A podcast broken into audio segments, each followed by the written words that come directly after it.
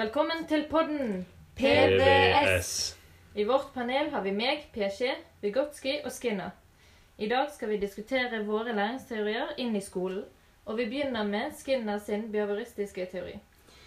Jeg mener at vi ikke har noen medfødte egenskaper å utvikle. Vi starter alle med ei blanke tavle, og det er miljøet som er fullt ansvarlig for hvilken retning utviklingen eller læringen tar.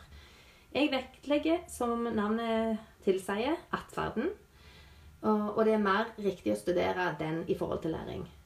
Jeg mener at det er en sammenheng mellom forskjellige stimuli og den atferden eller responsen stimulien fører til. Og en måte å lære på er operant betinging, der atferden endres som en følge av en konsekvens, som da kan være belønning eller straff. Og for å fremme eller hemme en atferd kan en bruke positive eller negativ forsterkning, eller positiv og negativ straff. I skolen så mener jeg at positiv forsterkning er det som fremmer mest læring. Og et eksempel på en positiv forsterkning kan være god karakter, men samtidig så vil en dårlig karakter være en positiv straff, som igjen kan være negativt for læring. Jeg, PSG, mener at eh, læring må betraktes som en funksjon av en helhetlig utvikling. Og jeg mener at vi er utrustet med kognitive strukturer som tar til seg stimuli og informasjon, og så omformer vi dette sånn at det passer og samsvarer med våre kognitive strukturer. Skjema, som er våre kognitive strukturer, gjør oss i stand til å forstå og samhandle med verden. Så jeg er enig om at miljøet påvirker min læring. Lære og lære er i fokus i den nye læreplanen, og det er det jeg mener med operativ kunnskap, som jeg òg vektlegger. Som logisk tenkning og problemløsning. Det er dette som fører til utvikling og læring, og ikke faktalære. Intellektuell utvikling er tilpasning gjennom assimilasjon og akkommodasjon. Assimilasjon er nye inntrykk som tas opp i de eksisterende skjemaene våre. Akkommodasjon er når ny informasjon ikke passer inn i de skjemaene som vi har, så det må skje en endring i strukturen, og ved hjelp av selvregulerende og iboende ønske søker vi å opprette likevekt mellom våre kognitive strukturer og omgivelsene. Og på denne måten skjer det en utvikling og læring. God kveld, god kveld. Mitt navn er Vygotsky, og jeg presenterer det sosiokulturelle perspektiv. Jeg er veldig enig i at miljøet er veldig mye med på å forme elever, men jeg mener at det ligger enda dypere. Det er nemlig samhandling mellom individ og ressurser i den sosiokulturelle konteksten som er veldig sentral for min filosofi.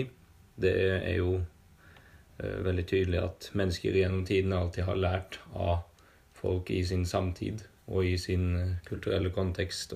Og eh, ressurser som da er blitt brukt der, er f.eks. historiske skrifter og slikt som en har benytta seg av for å da lære mer av opp igjennom. For å sette et eh, veldig konkret eh, definisjon på, på eh, min læringsteori, så handler dette her om en sosial dialogisk prosess. Så det handler i aller høyeste grad om eh, sosialisering som læring, rett og slett. Det er dette her det går ut på. Så det er i stor grad miljøet som, som former det. I spesielt historisk kontekst er det veldig mye mesterlære som er et veldig konkret eksempel på måten vi har klart å lære av hverandre og, og lage fremskritt. Ja. Og da er du inne på hvordan vi, kan, vi ønsker at timene skal være på skolen. Ja, det, det var godt du nevnte, fordi eh, i f.eks. kulturskolen så blir eh, f.eks. timene lagt opp eh, med samtale, demonstrasjon, imitasjon og øving i, eh, der og da i timen. Det med å kartlegge hvor eleven står, og hvor potensialet til eleven ligger, og hvor en da kan ta eleven videre.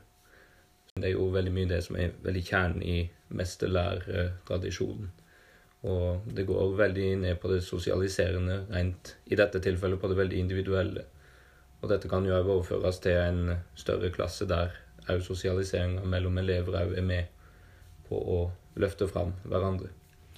Jeg òg mener at det skal være mer lærerstyrt òg. At jeg skal formidle innholdet og, og forståelsen til elevene. Og elevene skal lære gjennom å måles da, gjennom testing og Og så vil jeg også nevne at det er viktig at elevene får rask, rask tilbakemelding, rask respons.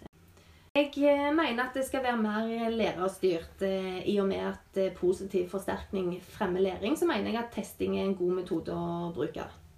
Altså, det er faktorer som påvirker effekten av operantbetinging, og det er tid. Tiden som er mellom respons og den konsekvensen som blir gitt. At jo raskere respons, jo bedre. F.eks. at han gjør en øvelse eller en oppgave, så er det viktig at eleven får rask respons. Og det er òg raskere læring hvis, det, hvis det, belønningen er kontinuerlig. At det skjer. Ja, jeg er jo litt uenig. Som Piaget så mener jeg at eh, elevene er den handlende aktøren, og det skal være elevstyrt eh, læring.